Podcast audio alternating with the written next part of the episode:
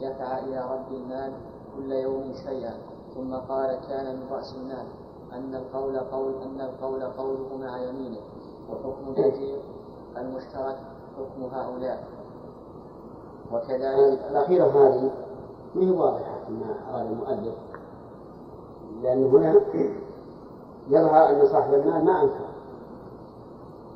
لكن صاحب المال يظنه من الربح والمضارب يقول أن هذا من رأس المال الخلاف بينهما الآن ليس في الرد وعدمه ولكن في جهة الدفع. هل هو على وجه الربح أو على وجه رأس المال كونه يعني ينقلها عن الرواية الثانية من الرد أما الأولى فنعم صريحة. هنا وكذلك من يعمل في عين بجزء من نمائها لأنه لأنه إما أجير أو شريك. والفرق بينهم وبين المستأجر أن المستأجر أن المستأجر أن المستأجر قبض مال مال المؤجر ليستوفي منه ليستوفي منه حق نفسه فصار حقه لنفسه وصار المال في أيديهم أمانة لا حق لهم فيه. وإنما وصار المال. وصار حقه لنفسه وصار أيديهم وهؤلاء. وهؤلاء. موجود وهو للمال تحت. وهؤلاء وهو لها إيه تحت. وهؤلاء؟ وهؤلاء المال. اللي تحت وهؤلاء المال. نعم. غلط غلط. وهؤلاء. يحدث كثيرا. نعم أي يحدث. يكتبها بالياء هذه القاعدة الأولى نعم. وصار المال في أيديهم أمانة لا حق لهم فيه وإنما حقهم فيما ينمي منه أو في ذلك أو في ذمة المالك فيما ينمى منه. فيما ينمى منه أو في ذمة المالك فأما من يعمل في المال بجزء من عينه فهو كالوصي الذي يأكل من مال اليتيم القول قول في الرد أيضا. صرح به القاضي لأن المال لم يقبضه اللي هو القول قول فهو عندك مقبول. في السلف سواء قبض العين لمصلحة المالك مثل؟ مثال.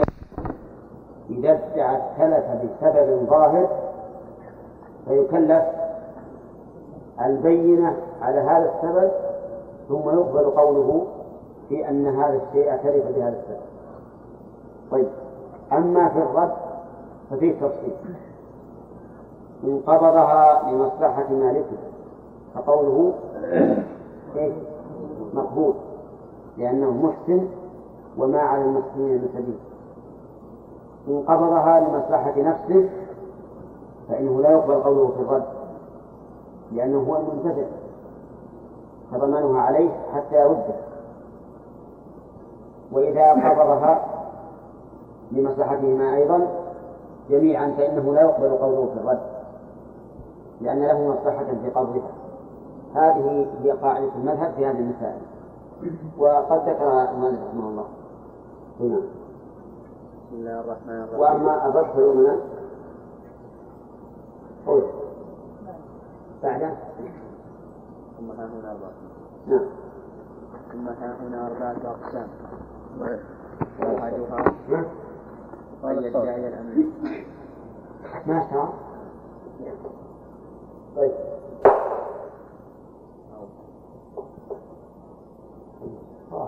ما تسمعون؟ لا بس تسجيل ولا؟ اي صح.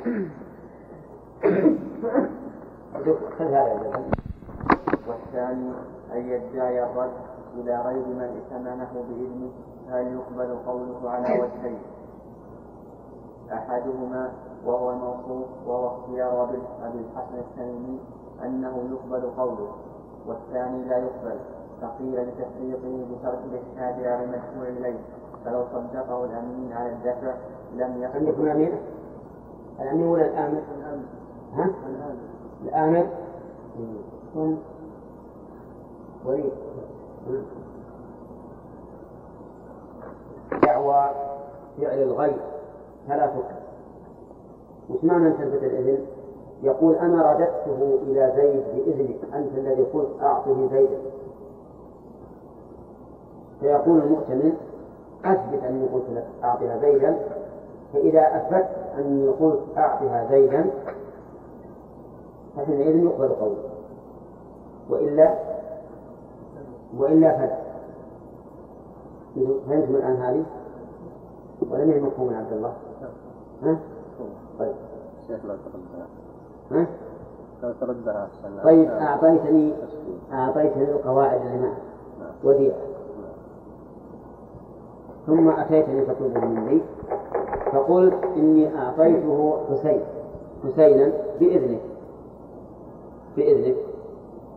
إن قلت نعم أنا أذنت. لك أذنت لك إن تطير قال حسين ما أعطاني شيئا فأن يقبل قوله.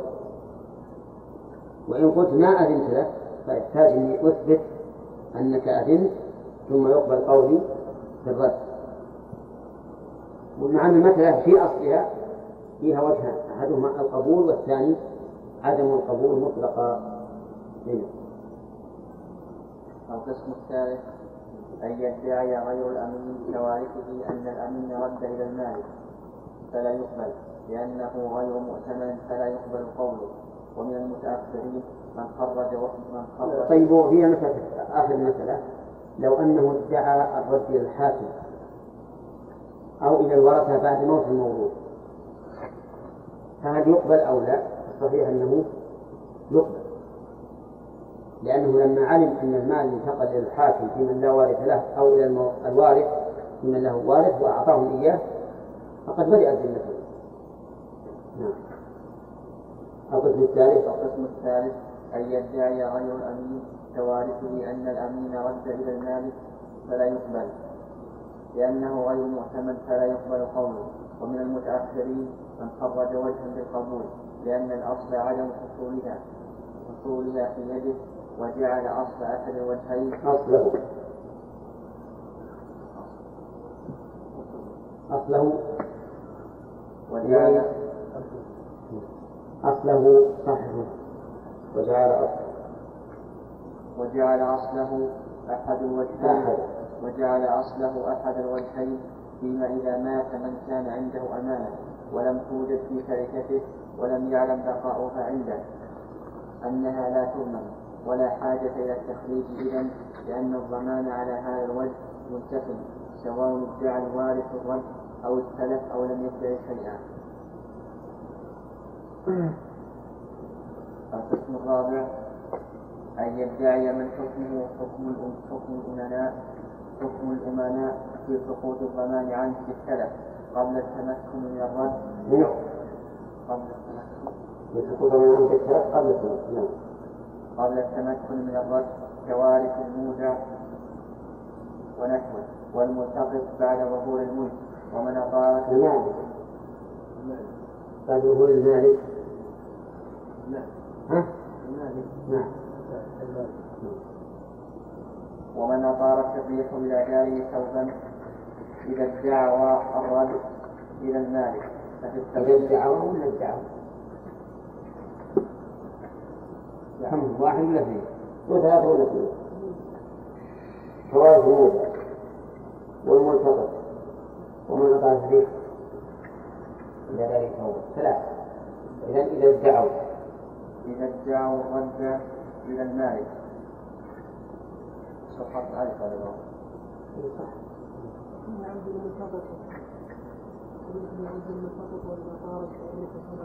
ادعوا. هذا واو جماعة واو جماعة خاص بالخطأ. يعني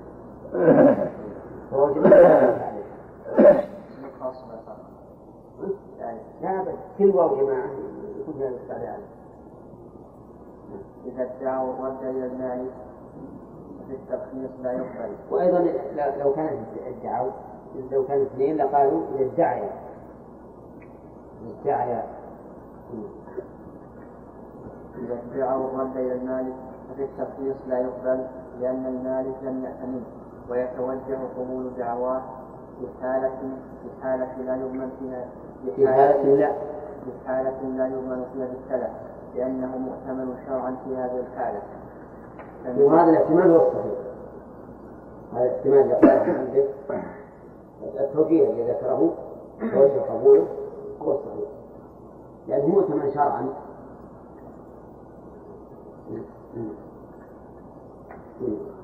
تنبيه.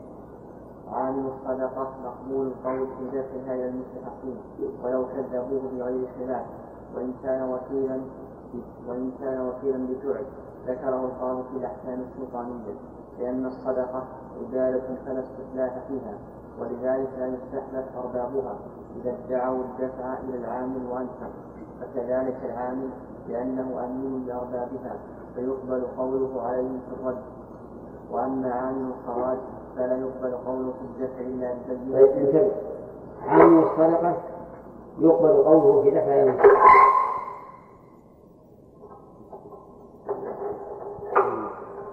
عامل الصدقة يقبل قوله في دفعها إلى المستحقين. حتى لو كذبوه ولو كذبوه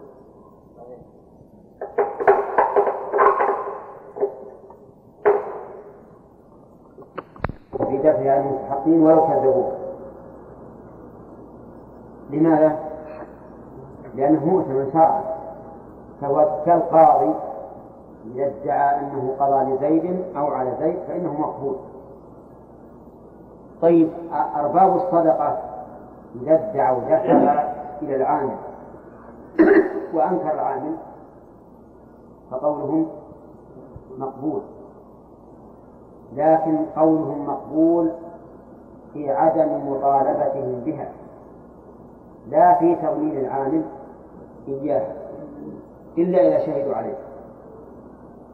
إذا شهدوا عليه قبل شهادته وإنما قلنا إنه لا يقبل قوله في تضمين العامل لأنهم مدعون وعلى وعلى المدعي البين لكن نقول إنهم مقبولون بالنسبة لبراء ذمتهم لأن هذه عبادة والعبادة لا يتعرف عليها الإنسان.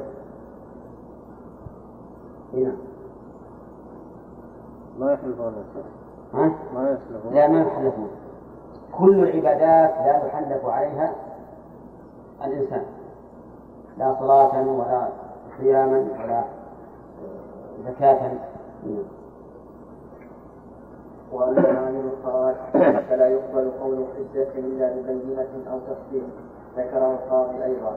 وعلل بأن الخراج دين فلا يقبل قول مستوفيه في دفعه إلى مستكفى وهذا التعليل منتقد بالوكيل في استيفاء دين استيفاء دين ودفعه إلى مستكفى فإن قوله مقبول في ذلك كما سبق. والأظهر تفويض حكم عامل الخراج على الوكيل.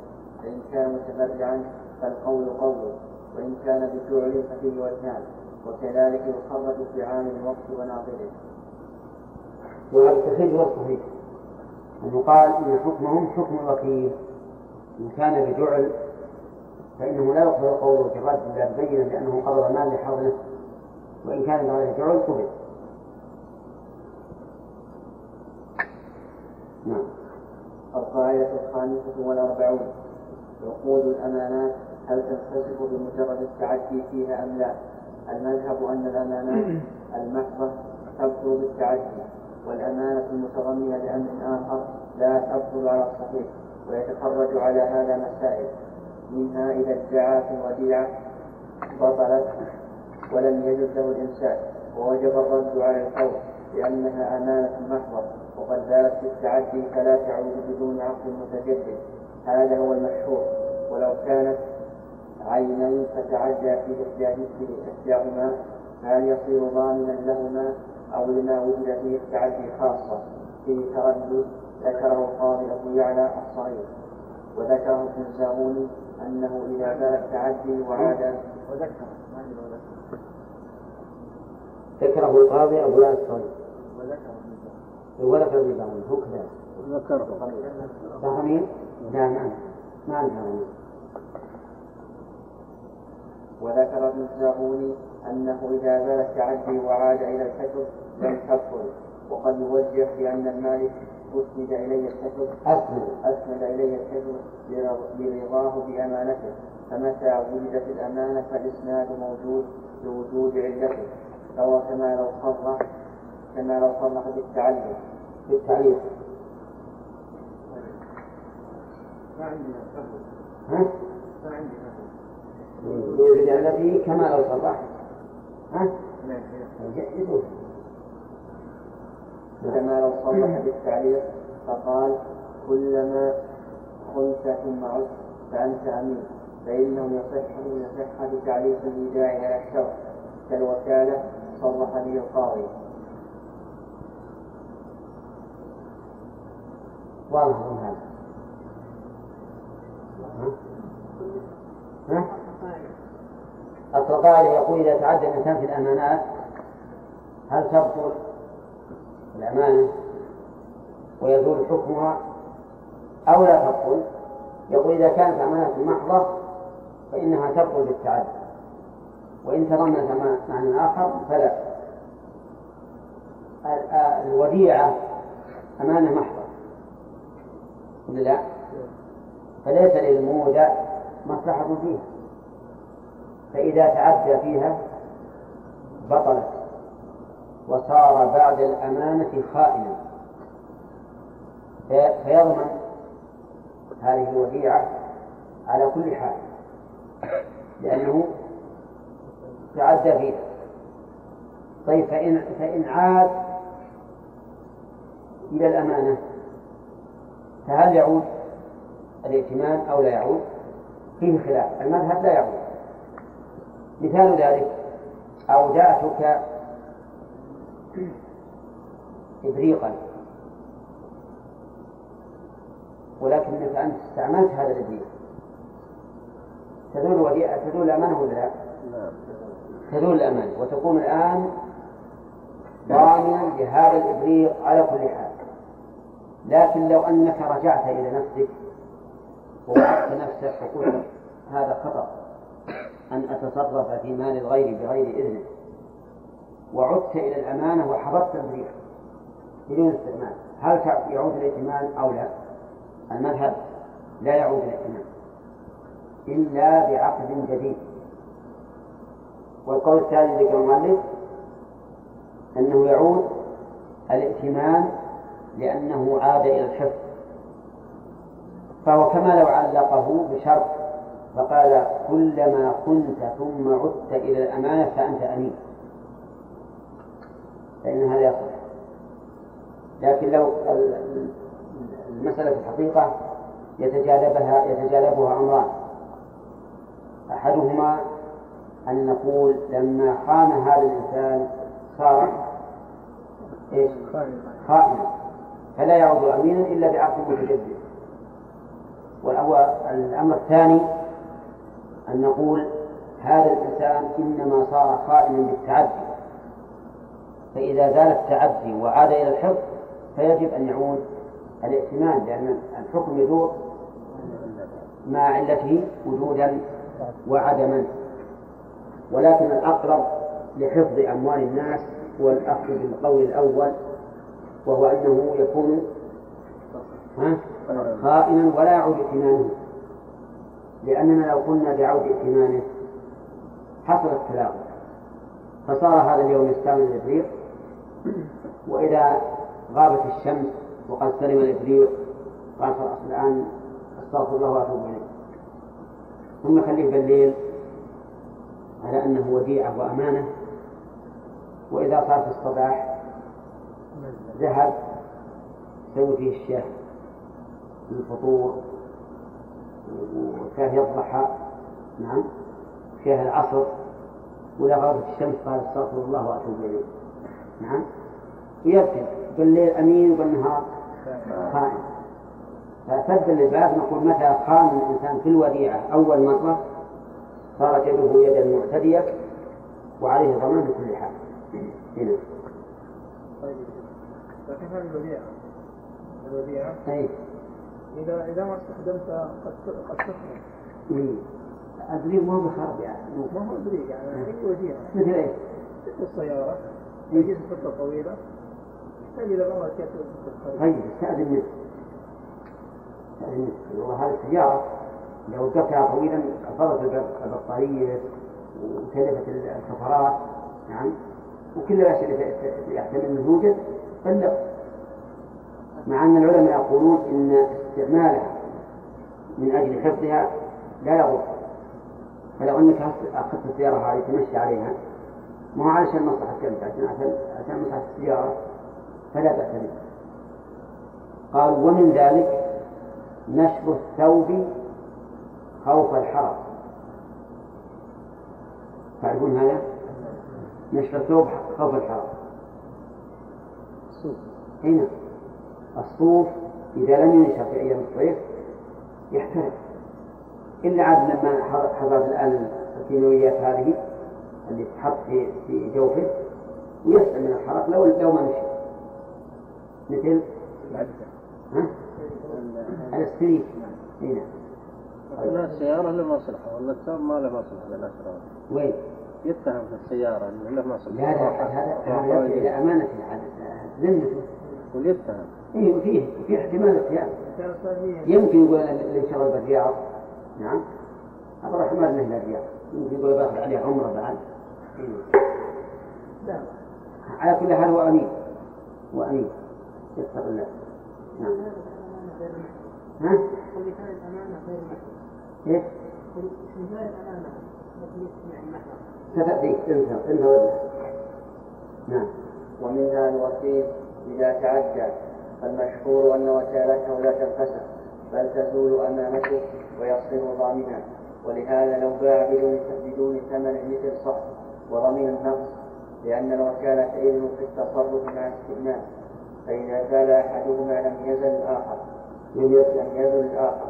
هذا والمشهور على هذا فإنما يضمن وعلى هذا. بس نقف على هذا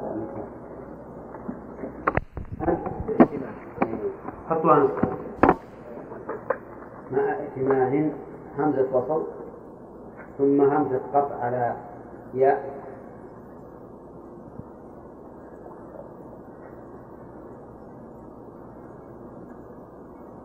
فإذا زال أحدهما لم يزل الآخر. يزل. لم يزل الآخر. هذا هو المشهور على هذا. وعلى هذا. في الوقت خطوة هذا هو المشهور وعلى هذا فإنما يضمن فإنما يضمن ما وقع فيه التعدي خاصة. حتى لو باعه وقبض ثمنه لم يضمن لأنه لم يتعدى في لم يتعدى في عينه. ذكره في التلخيص. ولا يزول الضمان عن عين ما وقع فيه التعدي بحاله إلا على طريقة ابن الزاغوني في الوديعة. وظاهر كلام كثير من الأصحاب أن المخالفة من الوكيل تقتضي فساد الوكالة لا بطلانها. لا لا بطلان بطلانها. فيفسد العقد ويصير متصرفا بمجرد الإذن. وحكى ابن عقيل في نظرياته وصاحب وصاحب المحرر وجها آخر. وبه جزم القاضي في خلافه أن الوكالة تبطل في الوديعة لزوال الائتمان والإذن في التصرف كان منوطا به. والظاهر الأول المذهب أنه يكون ضامنا لكن إذا تصرف صح. ففي المثال اللي ذكرنا لو أنه وكل في بيع بعيد وصار يستعمل هذا البعير في مصالحه الخاصة ثم باعه. باعه فالبيع البيع صحيح. البيع صحيح ولكنه ضامن لتعديه يعني فيما لو تلفت قبل البيع. وكذلك يضمن أجرة الانتفاع الذي انتفع به. نعم. ومنها الشركة والمضاربة إذا تعدى فيهما فالمعروف منه. تعدى فيه من الشركة والمضاربة إذا تعدى فيهما. لا عندنا أصح لأن اثنتين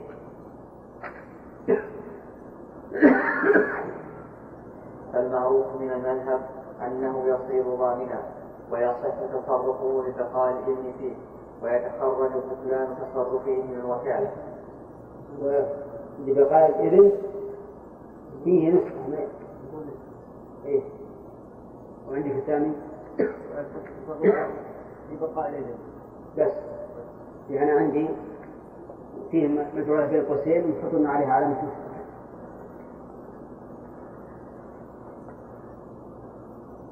نعم. ومنها الرهن إذا تعدى المرتهن فيه زال ائتمانه وبقي مضمونا عليه ولم تبطل توثيقته.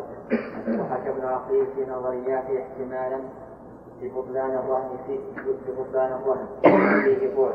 لأنه عقد لله وحق للمرتهن على الراهن لا سيما إن كان مشروطا إن كان مشروطا في عقد وقلنا يلزم بمجرد العقد فإن الراهن يجبر على تحفيظه فكيف يزول بالتعدي؟ ومنها يزول يزول ومنها إذا استأجره لحفظ شيء مدة فحفظه في بعضها ثم ترك فهل تبطل الإجارة؟ فيه وجهان. قال قال ابن المثنى أصحهما لا تبطل بل يزول بل يزول عندك المثنى ولا المني؟ المني. قال ابن المني. نسخة عندنا. قال ابن المني.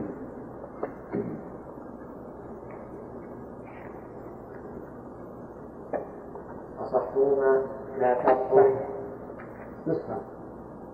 نعم. أصحهما لا تبطل بل يزول الاستئنان ويصير ضامنا. وفي مسائل ابن منصور عن ابن منصور عن أحمد إذا استأجر أجيرا شهرا معلوما فجاء إليه في نصف ذلك الشهر أن المستأجر الخيار والوجه الآخر يبطل العقد فلا عندكم كذا وفي مسائل ابن منصور عن أحمد إذا استاجر أجيرا شهرا معلوم ها. فجاء اليه في نصف ذلك الشهر ان المستاجر خيار نعم والوجه الآخر يبطل العقد فلا يستحق شيئا من الأجرة بناء على أصلنا في من امتنع من تسليم بعض المنافع المستأجرة أنه لا يستحق أجرة وبذلك أفتى ابن عقيل في فنونه. الفنون هذا على اسمه كتاب ابن عقيل رحمه الله جامع كل فنون العلم كل فنون العلم جامع. وكتاب كبير يبلغ أكثر من 300 مجلد. لأنه جامع بين كل الفنون النحو والبلاغة والتفسير والحديث والفقه والتوحيد كل شيء. على اسمه الفنون؟ لا لا موجود. 300 ما موجود. ها؟ 300 من يقرأ إيه؟ هو هو كتبنا رحمه الله. صاحب النحو لا لا لا. هذا فقيه من فقهاء مفقود؟ ها؟ لا ما هو لا مسكوت الظاهر إنه من جمله ال- ال- الذي أتلفه الستار لأن الستار اتلفوا اتلفوا للمسلمين كتبا كثيرة. فجعلوا كتب المسلمين والعياذ بالله جعلوها جسرا على نهر دجلة. يمشون عليها. إهانة للمسلمين. هنا نعم يا سامي وجدوا خمسة. مخطوطات خمس مجلدات. إيه. خمسة من ثلاثمية. واحدة تكون واحدة واحد على ستين. هو بعد الكتاب ها؟ زمن هو بعد زمن الكتاب من؟ لا ابن عقيل. الفنون لابن عقيل. يعني موجود يعني بعد الكتاب ها؟ كيف؟ موجودة بعد الكتاب لأن الرجل نقل منه. اي يا خالد يمكن يوجد مثلا نص جزء من الكتاب. يعني هذا الكتاب هذا اللي البحث اللي نقله ابن رجب في مسائل البيوع مثلا أو الرهن. قد يكون مثلا عند بعض الناس مجلد أو مجلدين منه. نعم. ومنها الوصي إذا تعدى في التصرف فهل يبطل كونه وصيا أم لا؟ ذكر ابن عقيل في المفردات احتمالين. أحدهما لا يبطل بل تزول أمانته ويصير ضانا كالوكيل إيش؟ أحدهما ذكر ما أعطيه في المفردات احتمالين فيه. فيه احتمال. لأن مكتوب عندي بين قوسين. فيه. فيه عندكم فيه؟ فيه إيه وأنتم ما عندكم؟ تمام. لا موجودة بالأصل عندي لكن بس حضروا بين قوسين. إيه. فيه أحسن. لكن ما أعطيه فيه. ذكر ابن عقيل في المفردات في احتمالين أحدهما أحدهما؟ بدل لا إذا جاء التقسيم انقطع البدل أحدهما لا لا يبطل بل تزول أمانته ويصير ضامنا كالوكيل أحدهما لا يبطل لا عندي لا تبطل ها؟ بالتاء ها؟ إيه. عندي لا تبطل وأنا متقن الألي أيضا كأنه يجوز فيها وجهان. عندي ما حط يا ولد بس ولا تاء. بل يجوز. ها؟ يبطل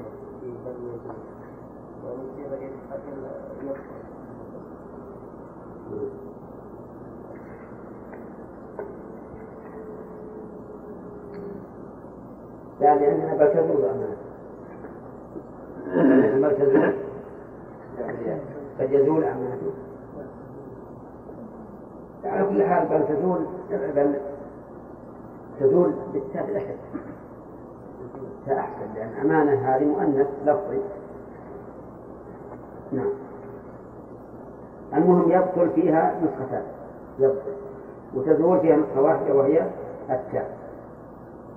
نعم. أحدهما لا يبطل بل تزول أمانته ويصير ضامنا كالوكيل والثاني تبطل لأنه خرج من حيز الأمانة تبطل عندك الثاني إذا على أول تبطل والثاني تبطل لأنه خرج من حيز الأمانة بالتسريع فزالت ولايته بانتفاء شرطها فزالت ولايته بانتفاء شرطها كالحاكم إذا فسق. وفرض المسألة فيما إذا أقدم على البيع بدون قيمة المثل. وعلى هذا يتخرج بيع العدل الذي بيده الرهن له بدون ثمن المثل أو الثمن أنت عندك بدون قيمة المثل عندنا نسخة بدون ثمن. المثل نعم. الثاني بدون ثمن. هي ثاني ثمن نعم. يا شيخ عندنا خطأ بانتفاء شرطها كالحاكم إذا فسق إذا كسر. فسق إيه فسق فسخ ها مو فسخ فسق لا يقال فسق يمكن الحاكم يفسق يعني أنت مستبعد أن الحاكم تصور يفسق بالرشوة لو صار هذا الحاكم الذي بدأ ما يقضي بمثلين إلا أخذ منه الرشوة صار فاسق أو كان سمعتها فسخ فسخ له نعم وعلى هذا يتخرج بيع العدل. الذي بيده الرهن له بدون ثمن المثل أو الثمن المقدر هل يصح أم لا؟ لأن الأمانة معتبرة فيه. ها؟ بدون ثمن المثل أو الثمن المقدم ما يحط النقاط كأنها من المثل لا بدون ثمن المثل أو الثمن المقدم نعم. واختيار صاحب المغني أنه لا يصح بيعه بدون ثمن المثل لكنه علل بمخالفة الإذن وهو منتقض بالوكيل ولهذا ألحقه القاضي في المجرد وابن ألحقه القاضي في المجرد وابن عقيل في الفصول ببيع الوكيل فصححاه وضمناه النقص ومثله إجارة الناظر للوقت بدون بدون أجرة المثل. الله أعلم. في الوقوف على 57 على 53 أي انتهت القراءة على القاعدة الخامسة عام 1405 يعني في سنتين أخذنا 40 قاعدة. ها؟ كل سنة عشرين. في سنة 20 معدل ما أدري. دي ما إيه أخذنا 20 سنة؟ والداري كيف؟ والداري يتغير نعم والسنة الجاية ما نقوى شيء ليش؟ يتغير الكتاب؟ اي نعم إيه ليش؟ أقول عنه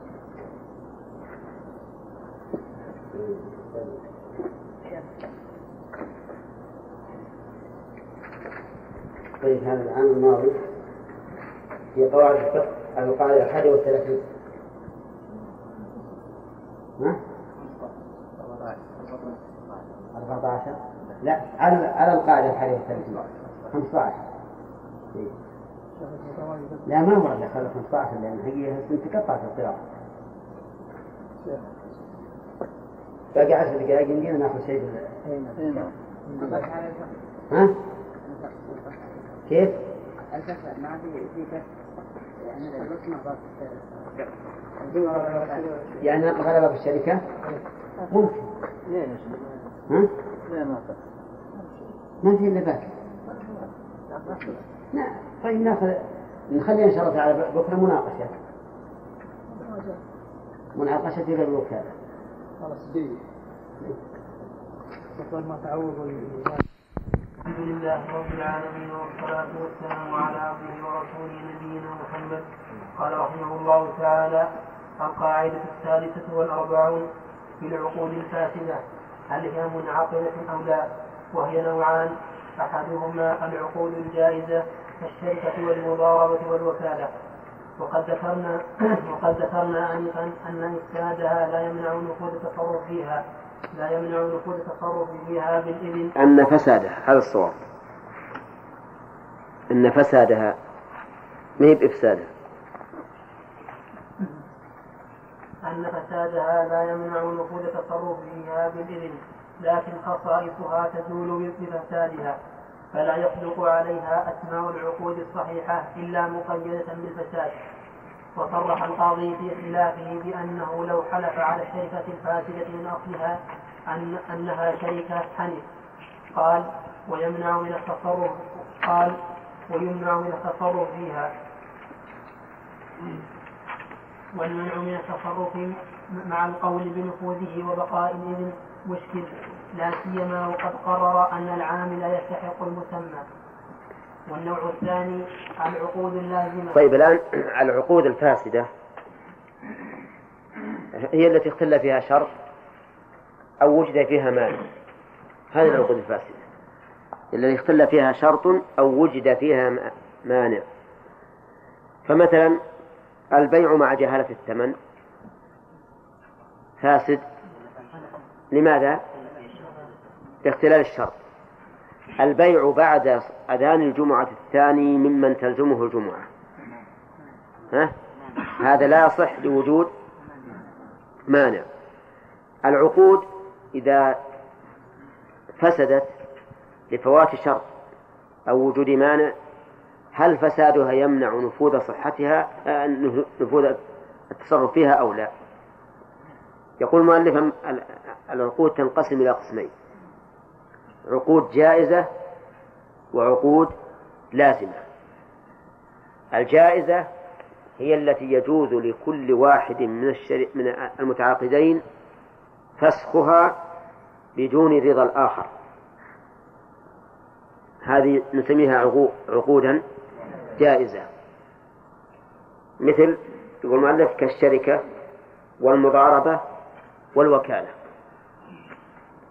المضاربة نوع من الشركة كما مر علينا في درس الفقه. الوكالة عقد جائز. يعني مثل وكلت زيدا أن يبيع لي ثوبا. يقول هذا عقد جائز لأنه يجوز أن, أن يفسخ الوكالة هو ويجوز أن أفسخ الوكالة أنا. واضح؟ طيب. فساد العقود الجائزة لا يمنع التصرف فيها. يعني يتصرف لكن لا لكن خصائصها تزول. فإذا أعطيتك مالا مضاربة على وجه فاسد فإن ثم تصرفت أنت. ثم تصرفت. فالتصرف صحيح نافع. لكن خصائص الشركة تزول. وش معنى تزول؟ مثلا أنا أعطيتك إياه على أن الربح بين نصفين. وتبين أن أن أن العقد فاسد. تصرفك أنت صحيح لكن هل تستحق نصف الربح؟ الجواب لا. ما تستحق نصف الربح. الربح كله لصاحب المال. وأنت لك أجرة المثل. أنت لك أجرة المثل لأنه لما تب... لما كان العقد فاسدا زالت جميع آثاره. فرجعنا إلى الأصل. فقلنا هذا رجل عمل بمالك فلا بد أن تعطيه أجرة المثل أجرة المثل. أجرة المثل على أنه أجير كأنه رجل عامل عندك. لو إذا قلنا هذا الرجل لو كان عاملا عندك لكان له في الشهر مئة ريال وقد عمل في هذا المال لمدة ستة أشهر كم تعطيه؟ ستمائة ريال طيب لو فرض أنها لم تربح الشركة هذه لم تربح إلا ستين ريالا ها؟ ولو أعطيه ستمائة ريال أعطيه ستمائة ريال لماذا؟ لأن العقد فاسد فصار هو أجيرا. العقد فاسد فصار أجيرا.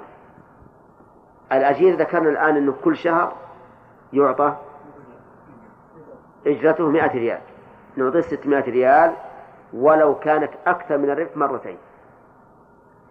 وذهب بعض العلماء أننا لا نعطيه أجرة المثل بل نعطيه سهم المثل. سهم المثل. لأن هذا العامل قد دخل على أن العمل بينهما مرابحة حسب الربح. فكيف نعطيه أجرة المثل؟ وما ما دخل على أنه أجير دخل على أنه إيش؟ على أنه شريك. فيعطى سهم المثل. وبناء على ذلك لو خسر المال يستحق وجهه ولا لا؟ ما يستحق. وكذلك في المثال اللي ذكرنا أنه ربح ستين ريال كم نعطيه من الستين؟ نعطيه ثلاثين. حسب إذا قالوا والله هذا الرجل لو عمل بهذا المال لاستحق نصف الربح نعطيه من الستين ثلاثين. بينما كنا على القول الأول سنعطيه ستمائة ريال. مثال آخر في المساقات. المساقات عقد جائز على المشهور من المذهب. أعطيت نخلي هذا الرجل يعمل فيه مساقاتا وعمل فيه. ثم تبين بعد أن العقد فاسد. فما الذي يستحق؟ على المذهب يستحق أجرة المثل. فنقول كم أجرة هذا لو كان عاملا في النخل لمدة سنة؟ قالوا أجرته عشرة آلاف ريال. أو اثني عشر, اثني عشر ألفا. كل كل شهر بألف ريال. كم يستحق على هذا؟ على صاحب النخل؟ اثني عشر ألف. لنفرض أن ثمرة النخل بيعت بمائة وعشرين ألف ريال وكان الاتفاق بينهما على أنها نصفين. مائة وعشرين ألف كم نصيبه لو, لو, لو, لو كانت المساقات صحيحة؟ كان نصيبه ستين ألف ريال. طيب. أيهما أكثر؟ ستين ألف ولا اثنى عشر؟ طبعا. على القول الأول يقول ليس له إلا اثنى عشر ألف ريال فقط. لأنه لما تبين فسادها ألغيت وصار هذا الرجل عاملا في مال غيره. فيعطى وجهة المثل. أفهمتم؟ القول الثاني وش يعطى؟ يعطى سهم المثل. لأن المالك والعامل كلاهما داخل على أن المسألة من باب المشاركة. فإذا بطل الأصل إذا إذا إذا بطل العقد رجعنا إلى سهم المثل. طيب. هو كان قد أعطاه النخل على أن للعامل ثلث الثمرة. ولصاحب النخل الثلثان. تبين أن المساقات فاسدة؟ نرجع إلى سهم المثل. فسألنا أهل الخبرة وقلنا هذا النخل لو أعطي مساقاتا. قال لو أعطي مساقات لكان العامل يستحق النصف. ما هو الثلث؟ يستحق النصف. كان بالأول معطيه الثلث. لكن قال أهل الخبرة هذا نخل يشق العمل فيه فيستحق العامل نصف. سهم نصف الثمرة إذا نعطيه كم؟ نعطيه نصف الثمرة نصف الثمرة ستين ألف ولا لا؟ بينما العقد يقتضي أن نعطيه الثلث أربعين أربعين ألفا عرفتم؟ ولا ما واضح؟ واضح طيب لكن هذه المسألة الأخيرة في النفس منها شيء. لأن هذا العامل دخل على أنه ليس له إلا الثلث. فكيف نعطيه النصف؟ يقول الذين يقولون بهذا القول إنه لما دخل على أنه يعطى الثلث ثم تبين انفساخ الشركة آه، فساد العقد رجعنا إلى الأصل. وهو سهم المثل. وسهم المثل النصف لكن بعض العلماء يقول إذا كان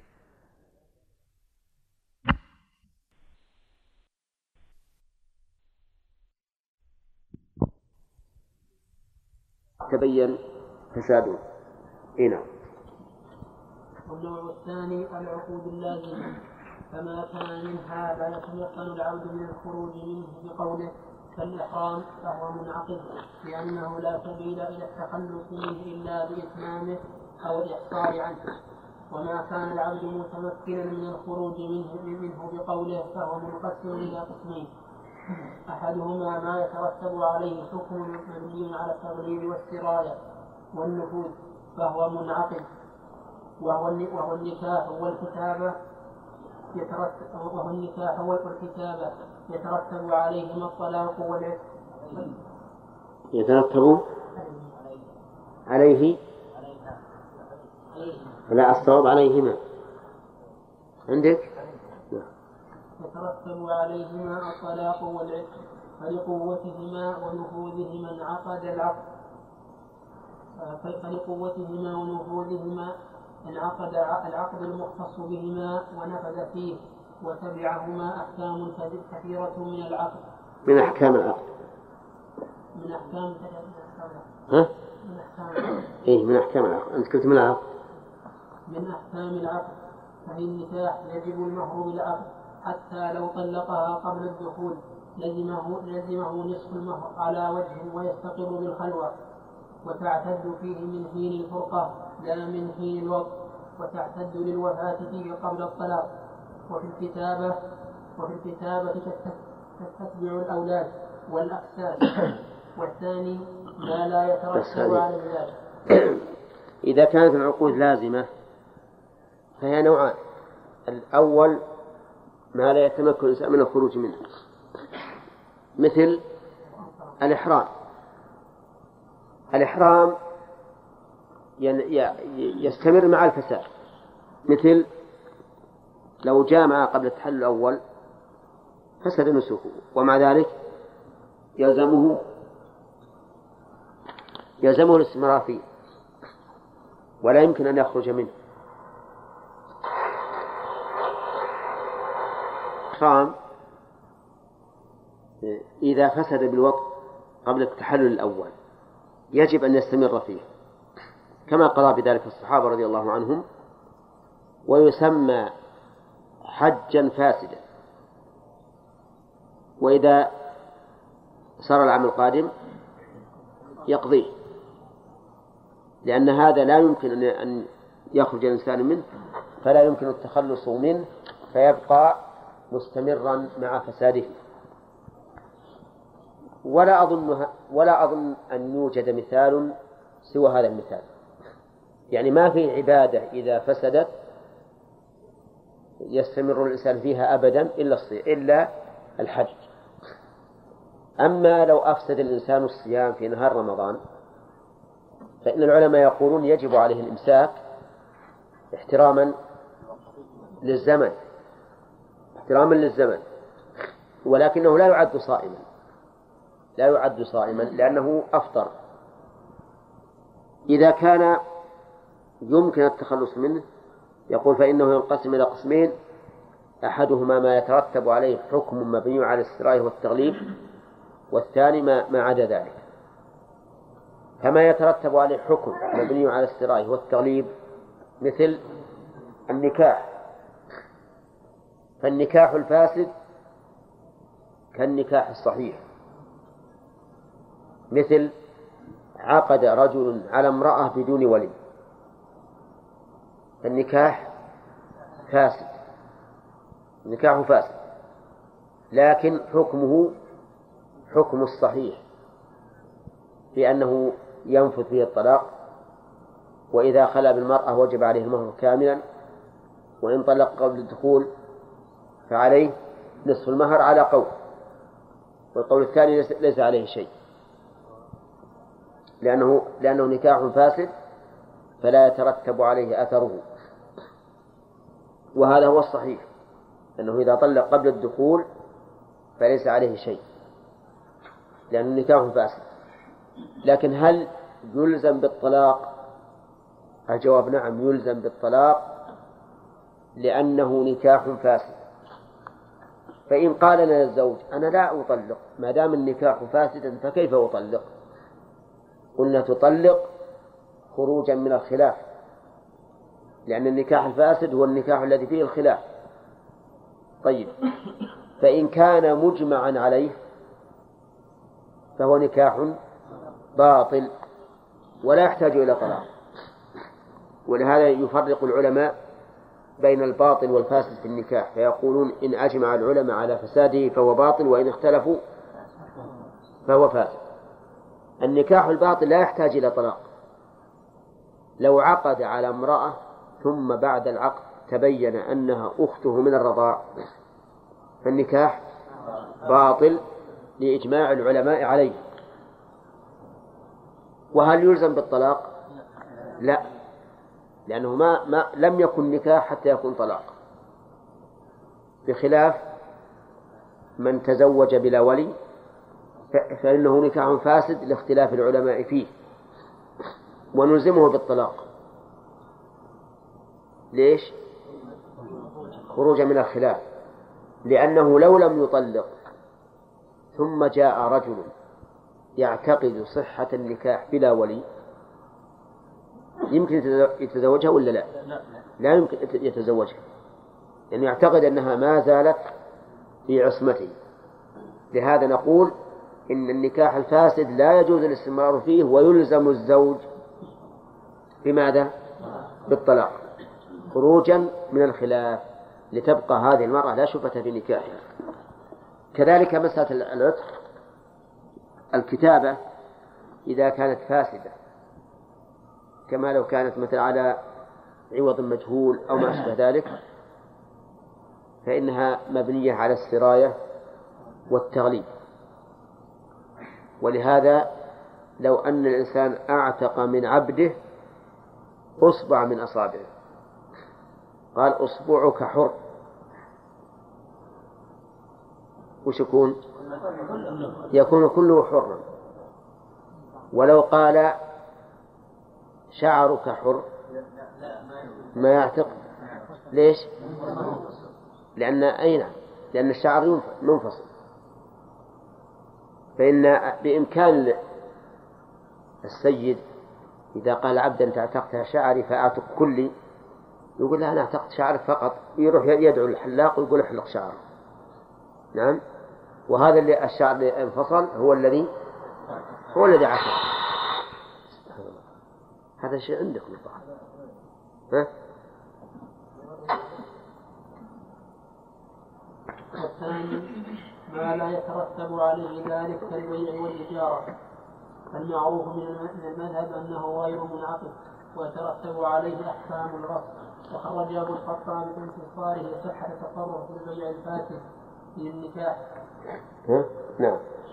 واعترضه يعني من النكاح بمعنى خرجه من النكاح. نعم. صحة التصرف في البيع الفاسد من النكاح.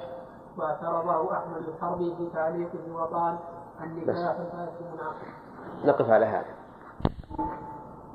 الحمد لله رب العالمين والصلاة والسلام على نبينا صلى الله عليه محمد وسلم. قال رحمه الله تعالى والثاني ما لا يترتب عليه ذلك كالبيع والإجارة المعروف من المذهب أنه غير منعقد ويترتب عليه أحكام الغصب. وخرج أبو الخطاب في أنتم فاهمين الآن؟ نتكلم الآن بالعقود الفاسدة. هل تنفذ ويترتب عليها أحكامها أو لا؟ سبق التفصيل في ذلك. يقول الثاني من الحقوق من العقود التي تكون فاسدة ما لا يترتب عليه ذلك أي ما لا يترتب عليه آثار الملك. ويكون وجود العقد كعدمه يكون وجود العقد كعدمه. فلو آجر الإنسان إجارة فاسدة فهل يترتب على هذه الإجارة ثبوت ما يت... آه، نعم فهل يترتب على هذا العقد؟ ما يترتب على العقد الصحيح من ثبوت الأجرة وضمان العين وغير ذلك أو لا؟ هذا الكلام الآن يقول المؤلف أن المذهب أنه غير منعقد ويترتب عليه أحكام الغصب.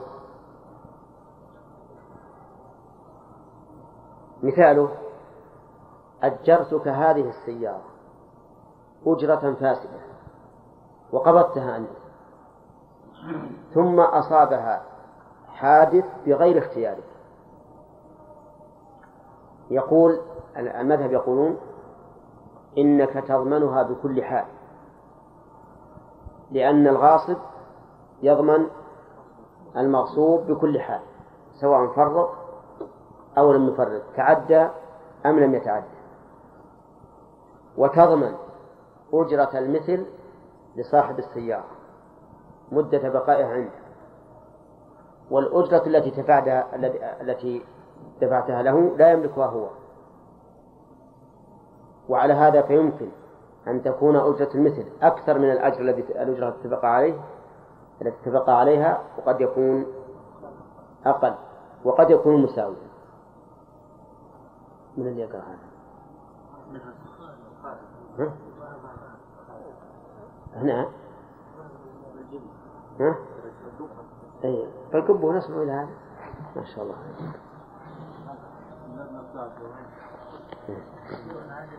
أي ها؟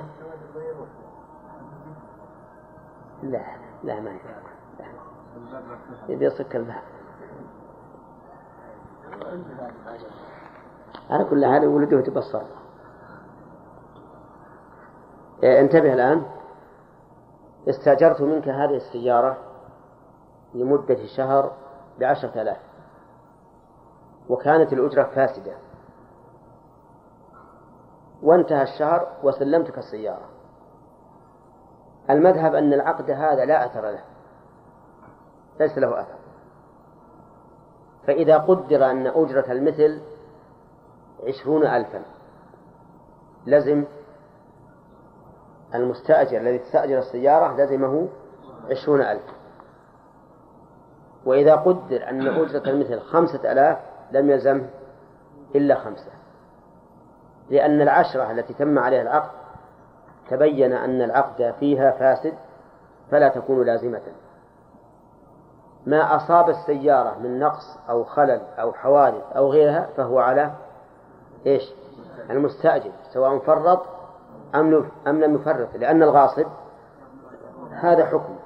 لو تلفت السيارة باحتراق لا سبب من المستأجر فيه فإنه يضمنها لأنه غاصب. ولكن استمع القول الثاني.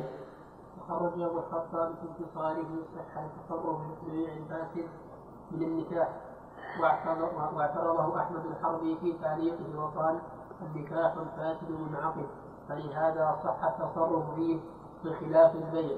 ولكن أبو الخطاب قد لا يسلم انعقاد النكاح الفاسد ولا غيره لأنه يرى أن المجامع يحل من إحرامه وأن الطلاق في النكاح الفاسد إنما يقع ممن يعتقد صحته.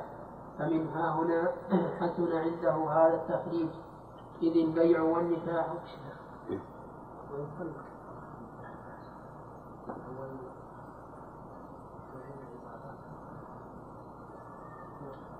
لأنه يرى أن المجامع يحل من إحرامه وأن الطلاق في النكاح الفاسد.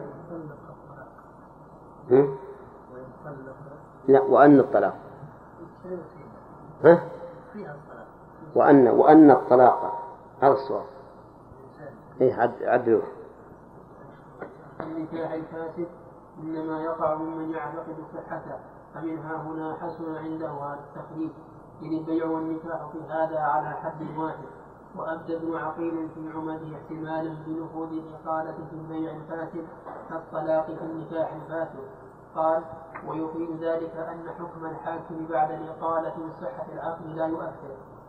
وذكر ابن عقيل وغيره وجهين في نفوذ في نفوذ العتق في البيع الفاسد كالطلاق في النكاح الفاسد. وفرق بينهما على أحد الوجهين لأن الطلاق يسقط به حق نفسه فنفذ بخلاف العتق فإنه الوجهين؟ لا على أحد وجهين الصواب على أحد. عندك أحد؟ إيه. إيه.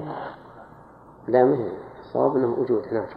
وفرق بينهما على أحد الوجهين لأن الطلاق يسقط به حق نفسه. يسقط. يسقط به يسقط. يسقط. يسقط به حق نفسه نفذ بخلاف العتق فإنه يسقط به حق غيره وهو البائع. وهذا كله يشعر بانعقاد البيع. وذكر ابن عقيل في فصول احتمالين فيما إذا قال لغيره بعد نداء الجمعة أعتق عبدك عني وعلي ثمنه. ففعل. هل ينفذ عتقه على نفسه أو عن عن. عن نفسه؟ أو عن الآمر له. هل ينفذ ها؟ يص زين. فهل؟ طيب لا بأس به. عندك فهل؟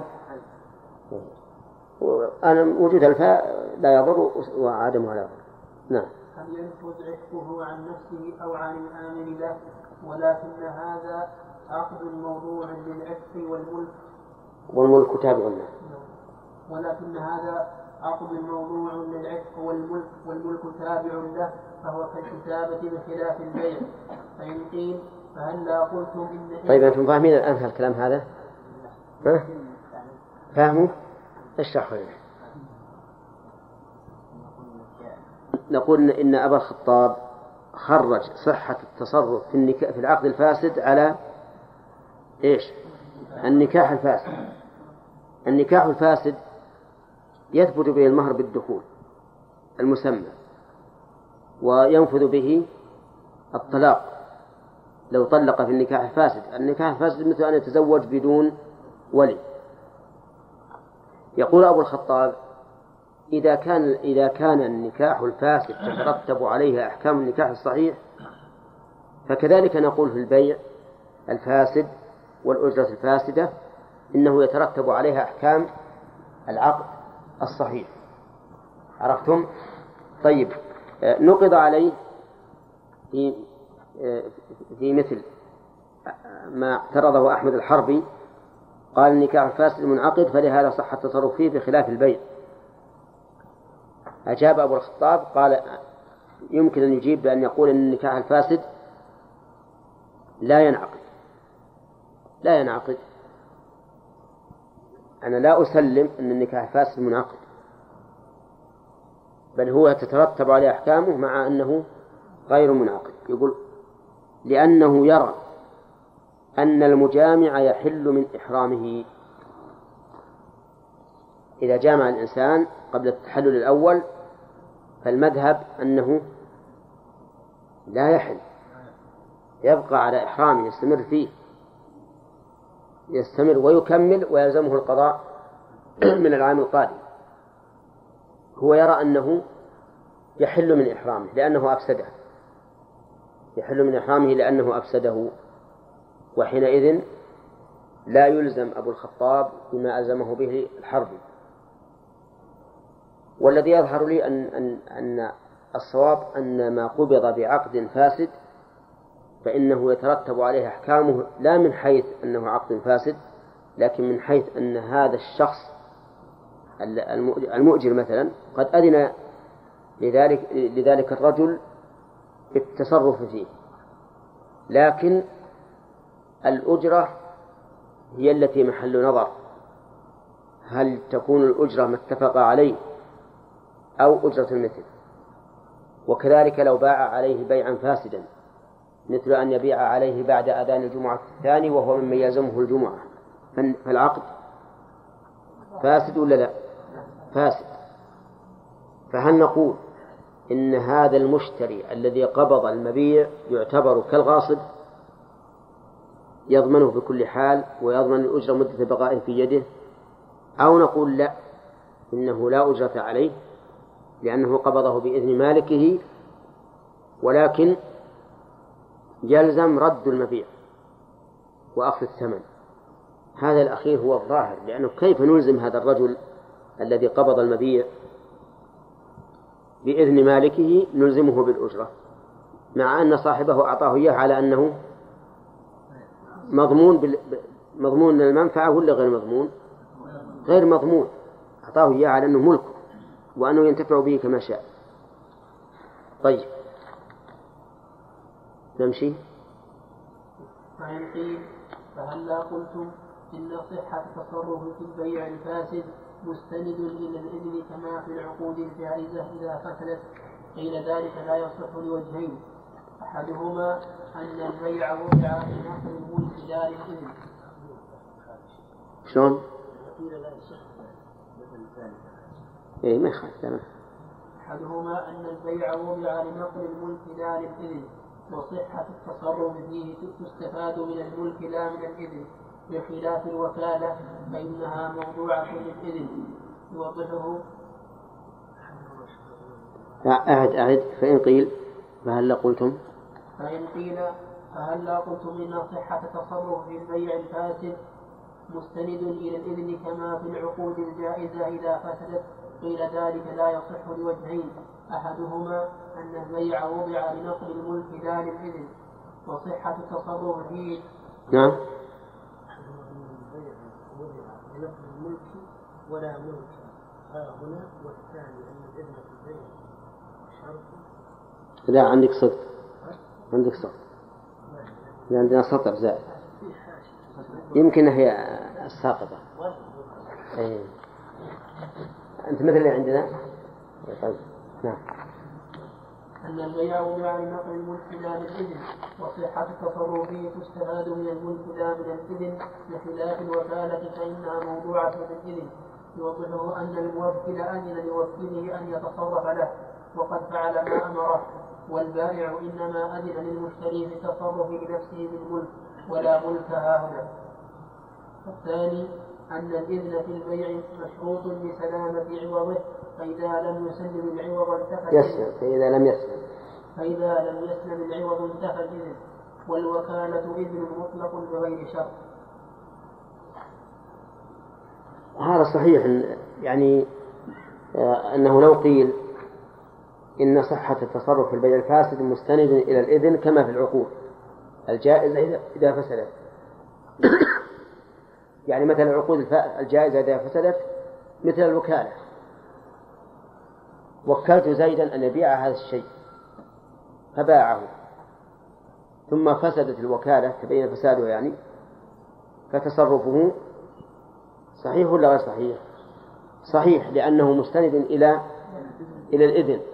بخلاف البيع الفاسد فإن صحة تصرف المشتري ليس مستندا إلى الإذن بل مستند إلى الملك. يعني تصرف المشتري بالمبيع. إنما كان بسبب أنه ملكه. وإذا كان العقد فاسدا هل يثبت الملك؟ لا يثبت الملك. إذا فتصرفه مبني على سبب غير صحيح فلا يكون كالوكالة إذا فسدت. ولكن ما أشرنا إليه آنفا من أن هذا الرجل عن المشتري لولا إذن البائع له. نعم. ما تصرف. وحينئذ ممكن أن نقول الملك لا يثبت ولكن التصرف صحيح بناء على أن هذا الرجل أعطاه هذا الشيء أعطاه المبيع على أنه ملكه وهذا تصرف على أنه ملكه فيكون التصرف صحيحا. وهذه المسألة معناها أنه نشأ طرف ثالث. فأنا بعت هذا الشيء على رجل بيعا فاسدا وهذا الرجل باعه على آخر بيعا صحيحا.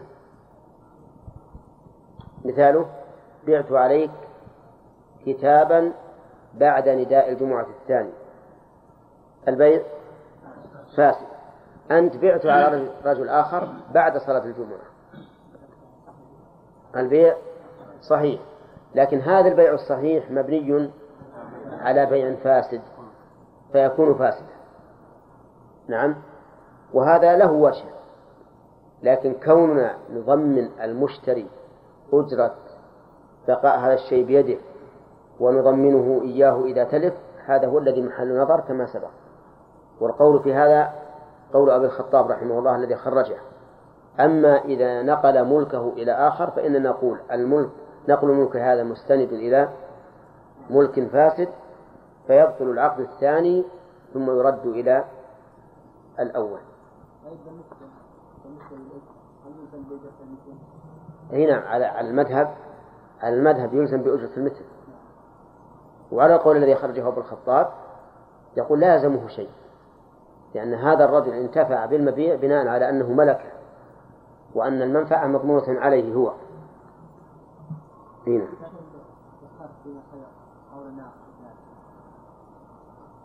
في إيش؟ الخلاف. فيما إذا صح العقد وحصل خلاف بينهما بالأجرة فهذا هو الذي يرجع إلى أجرة المثل إلا إذا كانت أكثر مما ادعاه آه، صاحب العين؟ اي صحيح. لا أظن هذه ما ما لها هذه ما لها وقت. لا هذه ما لها وقت. كل ما يقرأ آه، امرارا فليس له وقت. نعم.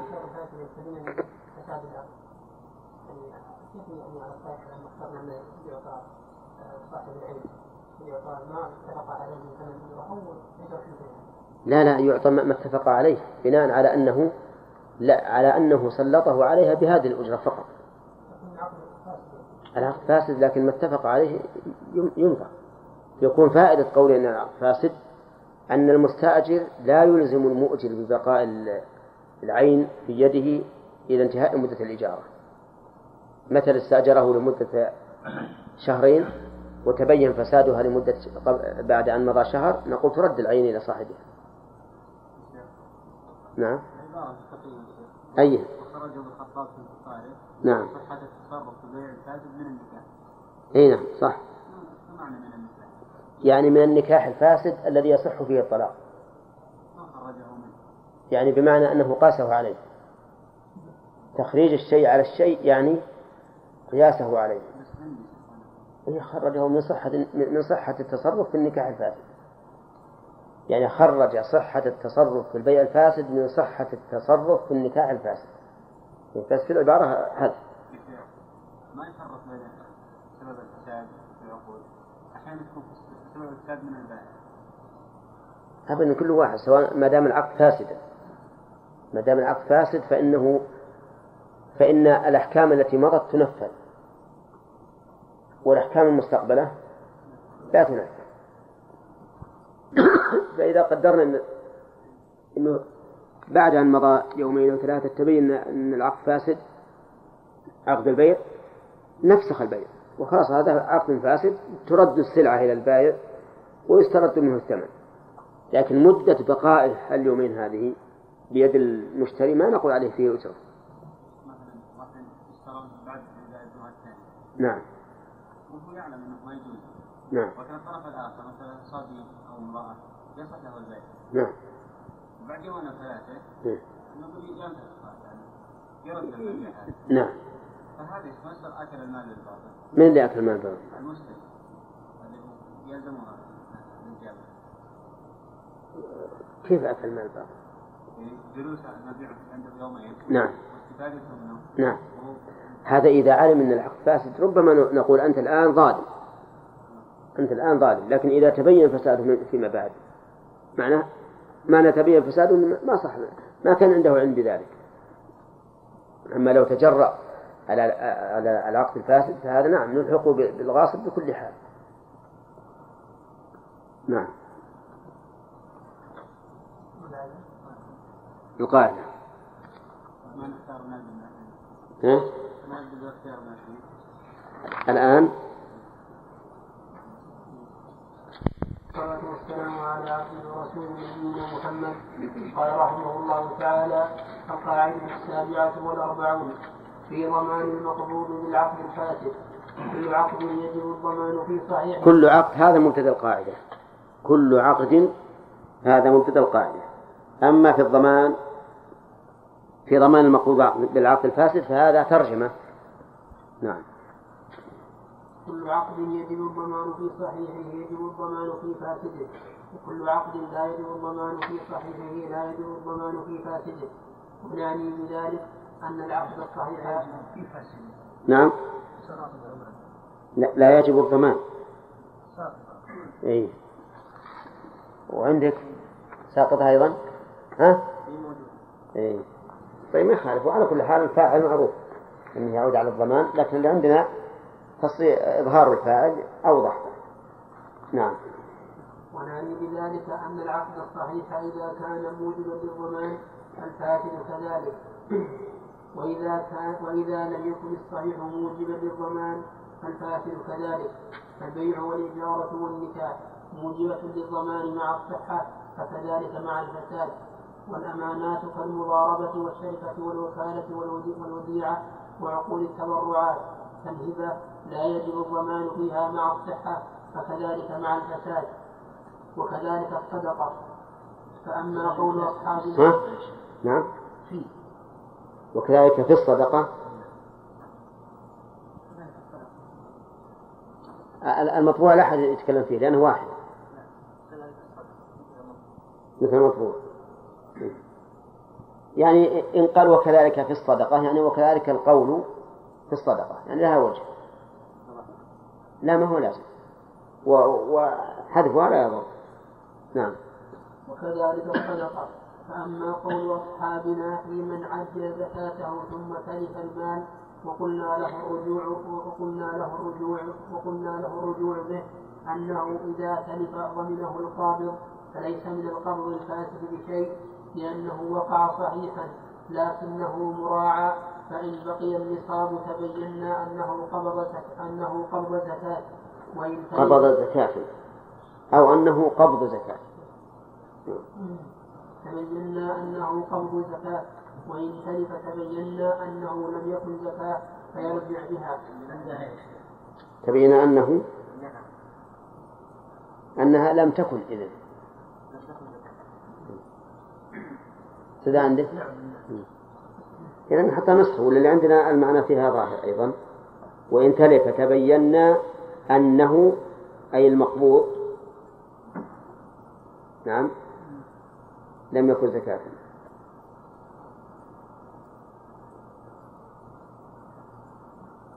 أصل يا جماعة لا, لا, أنصح.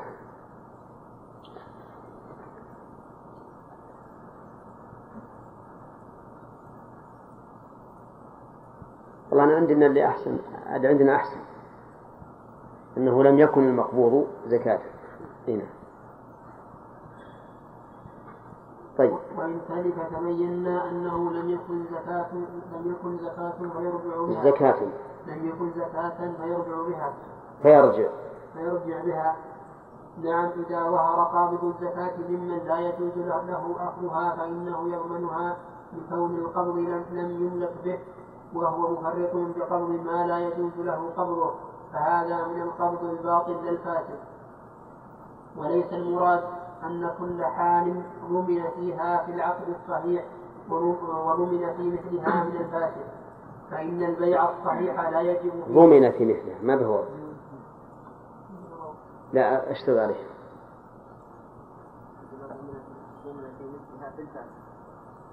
في الفاسد؟ اي وعندك فيا أو من؟ وليس المراد أن كل حال ضمن فيها في العقد الصحيح ضمن في مثلها من الفاسد. كذا عندكم؟ لا اشطبوها الواو اشطبوها عليها.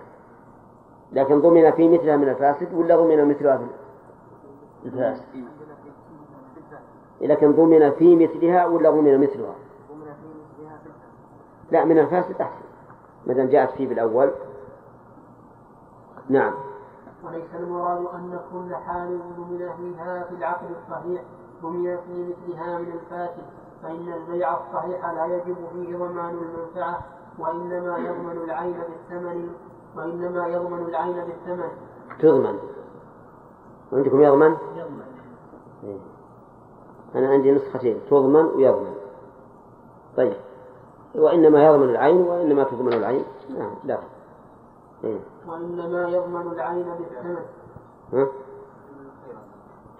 كيف؟ أيها؟ ها؟ إيه الآن نبي نشرح بس خلونا نكمل كلامه إن شاء الله تعالى. نعم.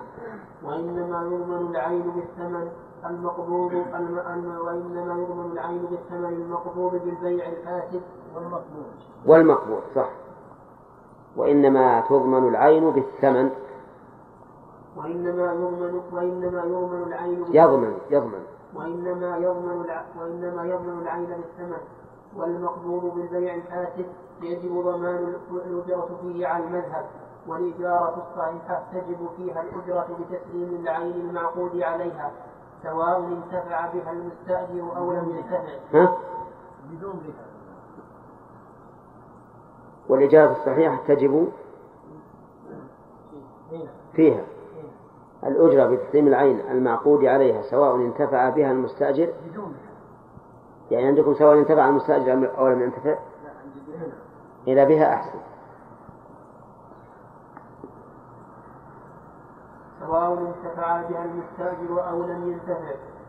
وفي الإجارة الفاسدة روايتان إحداهما كذلك والثانية لا تجب الأجرة الأجرة إلا بالانتفاع. ولعلها راجعة إلى أن المنافع لا تضمن في الغصب ونحوه إلا بالانتفاع. و... ها؟ إلى المنافع ولها راجعة ولعلها راجعة إلى أن المنافع. إلى أن. هذا الصواب نعم. ولعلها راجعة. نعم. ولعلها راجعة إلى أن المنافع لا تضمن في الغصب ونحوه إلا بالانتفاع وهو الأشبه. نعم. وكذلك وكذلك يخرج وكذلك يخرج في ضمان منفعة المبيع ها هنا. ولكن نقل جماعة عن أحمد عن أحمد ما يدل على أن الإجارة الصحيحة لا تجب فيها الأجرة إلا بقدر الانتفاع إذا ترك المستأجر بقية الانتفاع بعذر من جهته. وتأولها القاضي وابن عقيل وأقرها صاحب شرح الهداية والقاضي والقاضي أيضا في بعض تعاليقه. والنكاح الصحيح يستقر يستقر فيه المهر بالخلوة بدون الوقت وفي النكاح الفاسد روايتان أيضا. وقد قيل إن ذلك مبني على أن البضع هل يثبت عليه هل يثبت عليه اليد أم لا؟ تثبت. هل تثبت عليه؟ أحسن.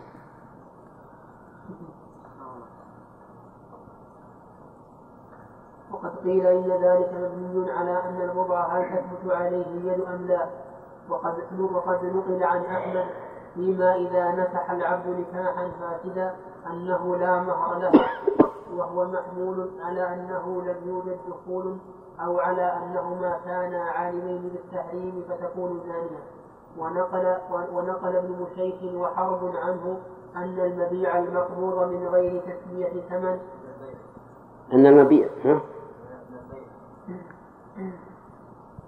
إيش عندك يا خالد؟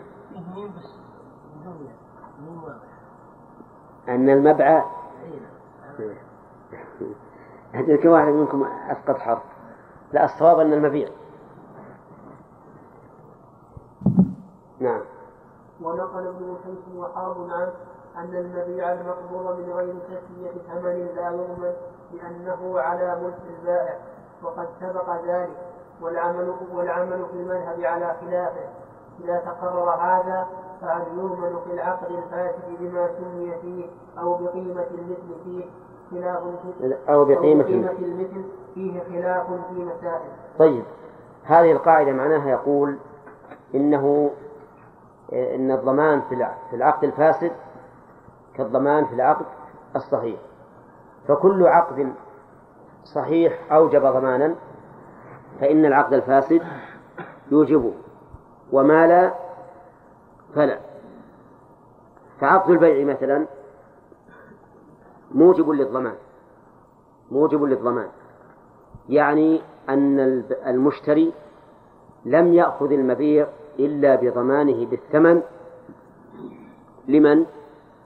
للبائع أليس كذلك؟ فإذا اشتريت منك سلعة فإنها فإنها دخلت علي بالضمان أليس كذلك؟ ليش؟ لأني ما أخذتها منك إلا بضمانها بالثمن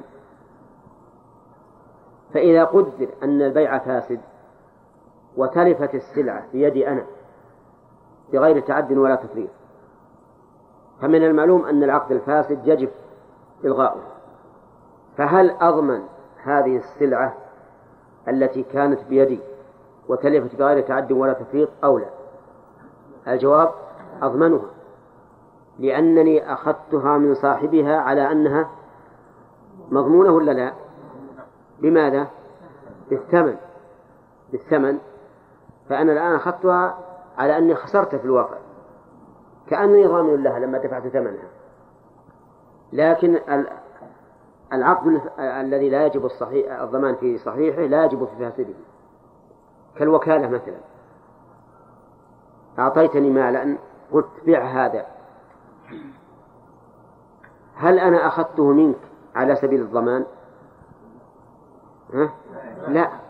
ولهذا ما دفعت إليك عوضا أخذته منك على سبيل الأمانة. على سبيل الأمانة. ولهذا لو تلف هذا المال الذي وكلتني في بيعه بغير تعد مني ولا تفريط. فهل أنا ضامن؟ ها؟ لا لست بضامن واضح؟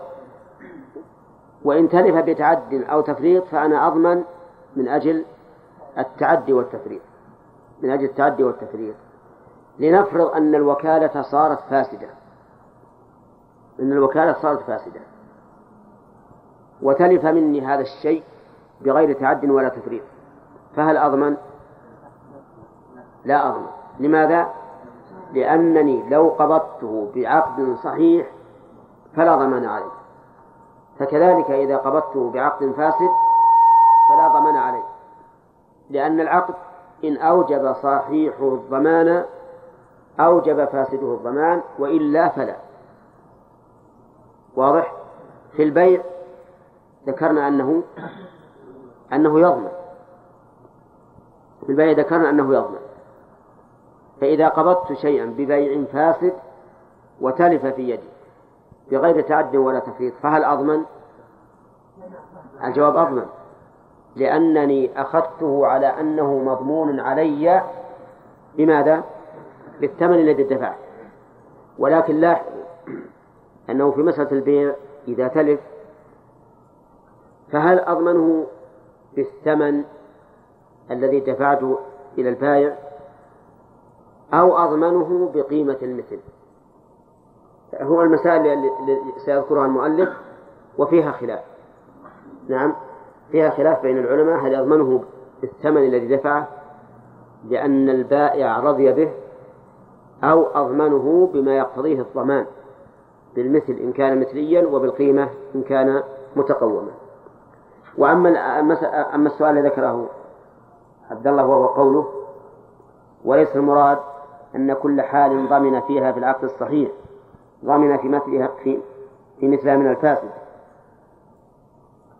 فيقول إننا إذا قلنا بأصل الضمان إذا قلنا بأصل الضمان فليس المعنى أن الضمان في العقد الفاسد مساو للضمان في العقد الصحيح. فالبيع بالعقد الفاسد يجب فيه ضمان العين والمنفعة.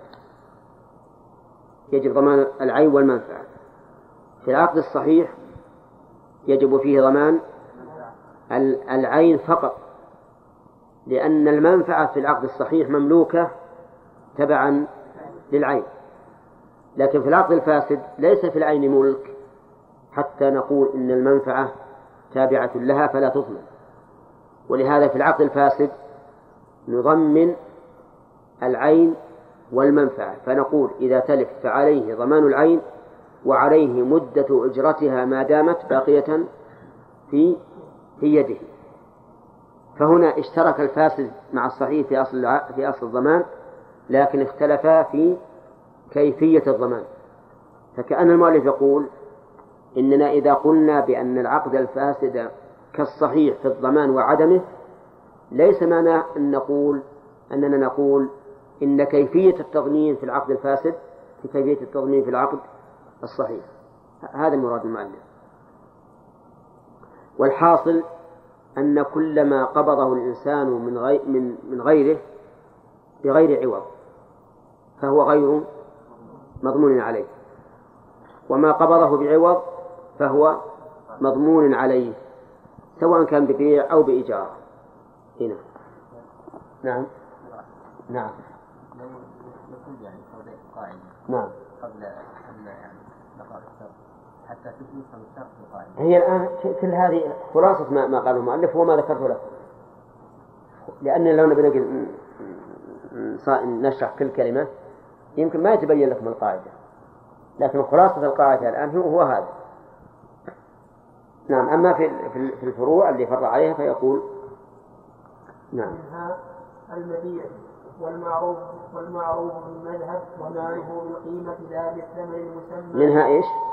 المبيع عندنا البيع. نسخة نسخة. ترى عندي نسخة. البيع والمبيع. حطوها نسخة.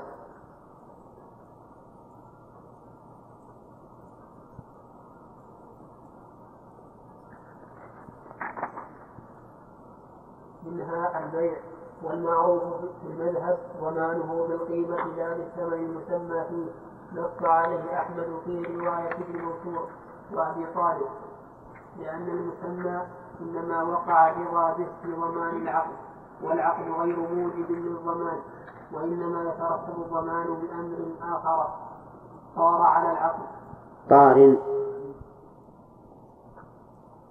بأمر آخر طار على العقد وهو السلف تحت يده فيجب ضمان